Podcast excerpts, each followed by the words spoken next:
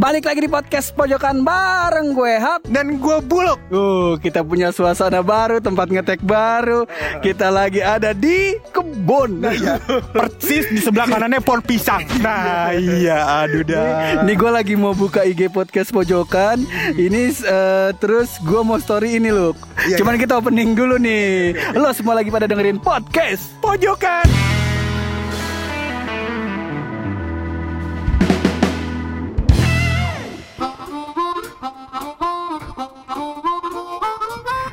Masa pada kagak percaya kita ngetek di kebun loh. Loh, ini kita sambil story ini ngomong-ngomong nih loh. Iya iya Soalnya juga kita udah bosan Kalau misalnya kita terus-terusan ngetek di tempat terang Pur ya kan Di tempat yang sepi begitu Pur Di tempat yang orang-orang pada tahu. Takutnya kita yang udah levelnya artis papan atas ini Pur Iya. Iya Takutnya diminta tanda tangan begitu kita lagi ngetek podcast belakangnya Vespa.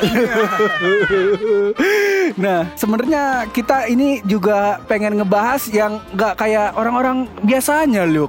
Ketika orang-orang ngebahas Ibu Ratna Sarumpait, lu ngebahas tentang eh, si Habib yang orang mana tahu kita kagak tahu. Yang jelas emang the best sih, gua akuin the best. Terus sama Mbak Miftahul Janah, the best sih the best emang. Cuman eh, bukan itu topik pembahasan kita, loh. Betul betul. Dan juga bukan kita nggak mau bahas tuh yang lagi jadi trending nih hari. Tadi pagi gue lihat pur. Ternyata Au- Aukarin udah nggak mau main Instagram lagi katanya. terlalu penting. Ketika Aukarin tidak bermain Instagram sangat mempengaruhi perekonomian Indonesia iya, karena Instagram yang follower 3,4 juta itu pur mungkin dijual akan mempengaruhi harga dolar yang semakin lama semakin naik begitu. Nah itu titik poinnya. Bukan seperti sekarang yang orang-orang sampai ILC itu ngebahas eh, tentang eh, Bu Ratna ini loh Gue kan, gue di satu sisi gue pengen juga ngebahas Cuman gue mikirin Loh ntar anaknya gimana? Mbak Atika Hasiholan dan Iya, iya. kakak-kakaknya. Belum lagi cucunya anaknya Mbak Atika Hasiholan Ketika ntar pas SD lagi nongkrong sama temen-temennya di belakang gang. Iya, Lo iya. tiba-tiba dicengin Oh nenek lu gini gini gini gini nih Nih buktinya dibahas nih. Lo kan kesian lu. Lagi main gundu ya kan, tiba-tiba dibilangin, ah jangan main sama dia, nenek kang bohong. Ya. Oh, kan yang salah siapa? Yang salah kan neneknya jangan sampai gara-gara kita sering-sering berkoar kita kita ini eh, mencuri-curi berita untuk memperkaya konten kita malah memiskinkan mentalnya cucunya loh. Wah jangan sampai nih cucunya gara-gara apa namanya neneknya bohong atau neneknya apa gitu pur nggak dapat beasiswa S2 Loh, makanya jangan. Iya, iya. Karena kalau gua sih nanggepin Bu Ratna ini kayak udah biasa aja gitu loh. Karena kebetulan saya semenjak berteman dengan Anda nih sem- empat tahun berteman itu sudah sering ya. Kayak dibilang tadi pagi, ayo kita mau ke UI nih karena adik kelas kita pada wisuda begitu jam 10 baru WA. Sorry ini nggak bisa loh. Aduh. Itu namanya kalau bilang Bu Ratna adalah pencipta hoax terbesar. Wow, itu dia udah bikin hoax baru itu, Pur. Karena pencipta hoax terbesar adalah Buluk Podcast Pojokan. Itu dia. Nah kita mau nyinggung tentang rupiah ini loh, yang rupiah melemah dan dolar naik karena ini berpengaruh sekali dengan kehidupan saya ini. karena kita kebetulan abis eh, ngambil motor baru beli sih, alhamdulillah kita kagak kena riba-riba anda begitu dah, alhamdulillah ya. Itu kan duit yang lu tabung kemarin gagal nikah kan? Ya, terima kasih diperjelas. Gagal menikah malah beli motor loh. Itulah sebabnya gua respect dengan Mbak Miftahul Janah loh. Dia punya prinsip yang kuat. Gitu, jangan sampai eh, main judo nggak boleh gara-gara pakai jilbab, dianya keluar eliminasi sakit hati beli motor Versa loh. Ah, makanya mungkin juga dia belinya Honda CB 150. Seperti saya, makanya saya respect dengan Mbak Miftah. Nah itu tadi gue bilang kenapa sangat mempengaruhi dolar naik ini karena bensin sekarang jadi naik loh. Dan gue juga merasa pur dari zaman tahun 2014 itu pur, gue masih ngerasain tuh listrik gue bayar tuh di bawah 200 ribu pur. Oh, sekarang berapa? Sekarang itu kalau gue nggak salah kemarin gue bayar pur, itu 320 ribu. Waduh, gue juga pernah ngejamanin. Mungkin teman-teman di sini kalau misalnya pernah ngejamanin eh, bensin ngisi 3000 itu eh, dapat barnya setengah, Iya, iya. setengah garis gitu. Nah, gue pernah ngejaman ini tuh waktu gue sering ma- main ke puncak dulu tahun 2009. Oke, 2009 itu lu ngisi bensin tuh Ngisi setengah bensin. doang Setengah. sampai puncak. Setengah setengah tangki cuma 3000 lu. Tapi sampai puncak lu dorong kan? Bisa, alhamdulillah. Dulu motornya Supra gitu, yang iklannya Mandra. Oh, iya, nah, iya, iya. sekarang gua ngisi 50.000 ribu dapatnya setengah tangki lu. gue juga kalau gue ngisi motor gue kan eh, ini kebetulan ya eh, Honda Vario. Iya. Nah itu gue ngisi buat full tanknya itu sampai 35 ribuan. Waduh, ini kepada Honda kita menerima ya. Iya, kita iya. menerima endorse ya kalau mau uh, nitip-nitip iklan spion gitu. spion Honda bisa di kita begitu atau jalur-jalur standar kita bisa ada. BTW BTW tadi siang gue habis servis motor. ya, habis berapa tuh? Iya udah gue kalau gue nggak salah itu eh, kalau servis keseluruhannya pur ya itu gue habis 450 ribu. Waduh. Iya, aduh. nah, ini makanya yang kita mau kita bahas ini ketika dolar naik, imbasnya ke kita ini apaan aja sih Luk sebenarnya gitu. Hmm, banyak pur. Apa itu contohnya? Yang pertama, iya kalau lu eh, misalkan lu ada pencinta atau pengguna handphone handphone pur. Wow, iya Xiaomi. Karena emang handphone-handphone ini jarang yang buatan lokal. Ya dulu ada Imo dipakai sama kampus Gunadarma. Tagline-nya Gundar in your hand aja. Ah, ada Imo, ada Advan. Advan tuh kalau nggak salah buatan sini juga ya. Oh iya, yang yang kalau jatuh dua kali udah mati. Iya. Itu handphone sifatnya itu kalau bisa ya eh, lu beli buat emang dipakai sekali doang gitu. Iya, kayak batu baterai bakal remote. ada juga SPC dan lain-lain ya Iya, itu iya, produk-produk iya. Indonesia. Nah, kalau sekarang kalau dulu mungkin lu kalau beli handphone pur ya kan eh, harganya 900 dolar misalkan. Nah, 900 dolar kalau dirupiahin dulu waktu dolar masih 10 ribu pur, Heeh. masih 10 juta. Oh iya iya iya iya. HP 10 juta tuh. Iya. iPhone iPhone. Mm-mm. iPhone kalau gua nggak salah itu iPhone 12 yang yang luasnya selapangan bola. Iya iya iya iya.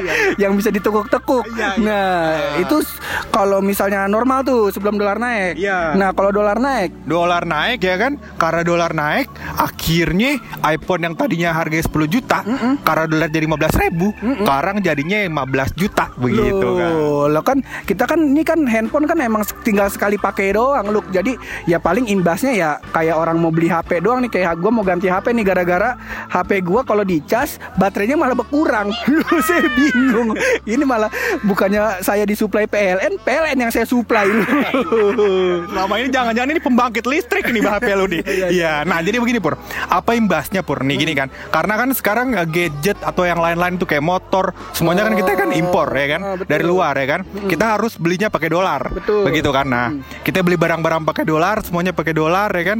Akhirnya apa? Eh, kebutuhan kita tadi yang premier tadi eh, juga menunjang kebutuhan kita yang tersier. Contohnya gimana? Heeh. Nah, jadi gini, eh, misalkan kita beli eh, motor ya kan 15 juta. Mm-mm. Ya kan karena itu uh, kebutuhan udah jadi kebutuhan premier kita pur akan motor tersebut ya kan akhirnya uh, perusahaan naikin gaji kita supaya kita bisa beli motor. Heeh. Nah, terus uh, karena perusahaan naikin gaji kita buat beli kita beli motor, akhirnya uh, si tukang sayur karena mau beli motor juga ya kan? Akhirnya dia naikin harga sayurnya biar makin banyak. Oh. ya kan duitnya dapatnya ya kan? Oh, iya, nah iya, dapat iya, naikin iya. harga sayur Tahu juga. Juga. akhirnya harga sayur naik ikut naik.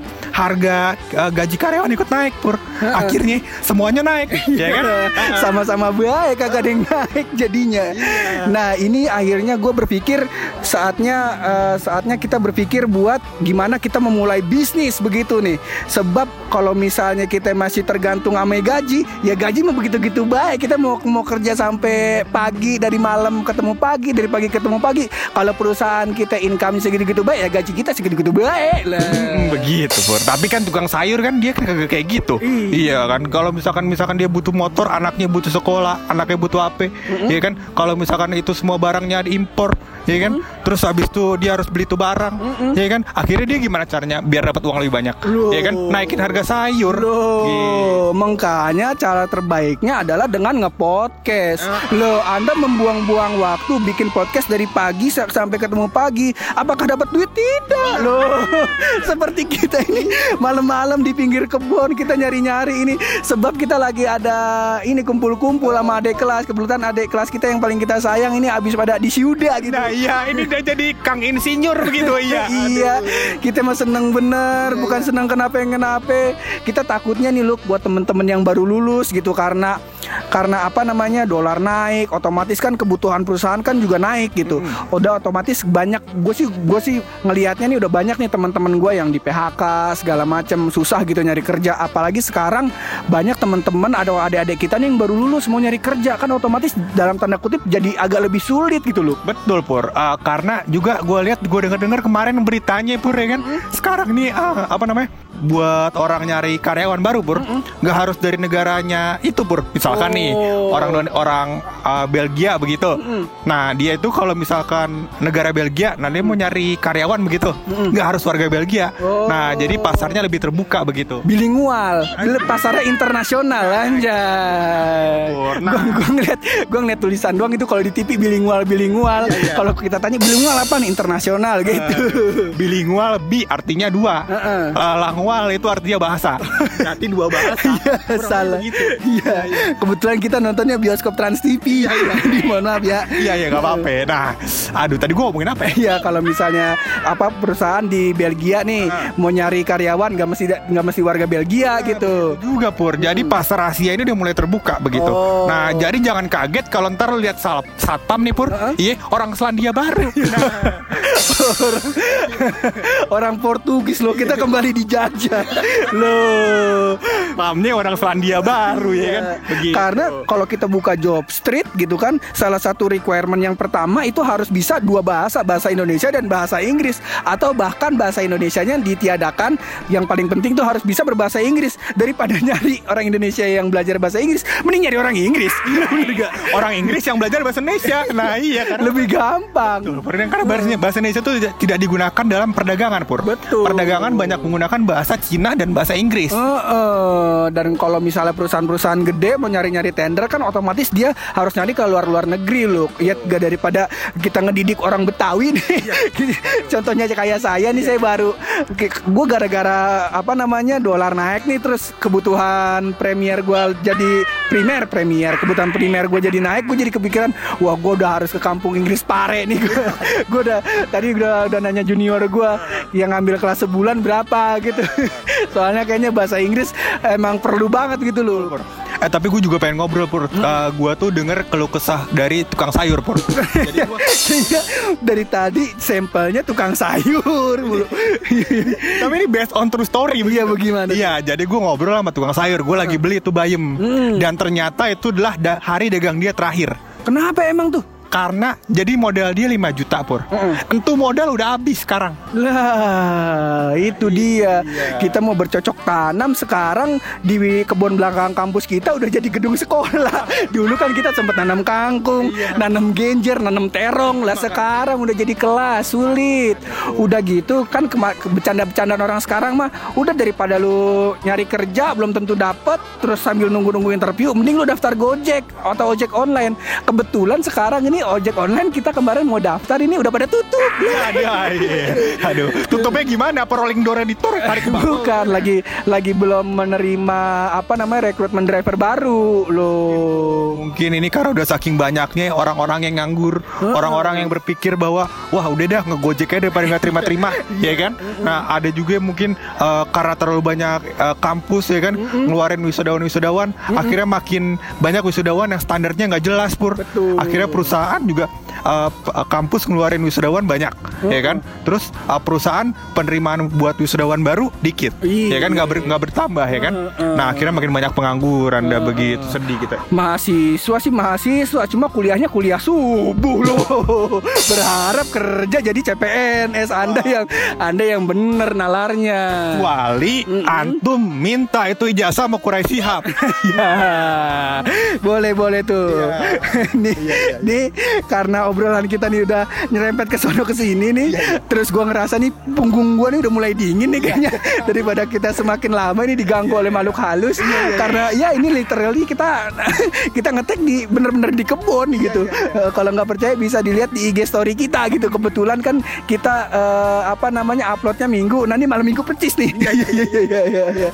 Mending kita tutup aja di podcast loh. Boleh dah kalau begitu kita tutup ini podcast dengan sebuah rahasia yang sangat menggugah selera. Cakep. Bagaimana tuh rahasianya? Nah, jadi Pur, Nah, bagaimana itu? tadi kan gue bilang ini bakal menggugah selera. Iya iya iya iya iya. Ini rahasia soal kuliner. Buh, cakep tuh. Hmm, Jadi setelah gua riset punya riset Pur, Cakep. buah dada itu nggak bisa jadiin rujak.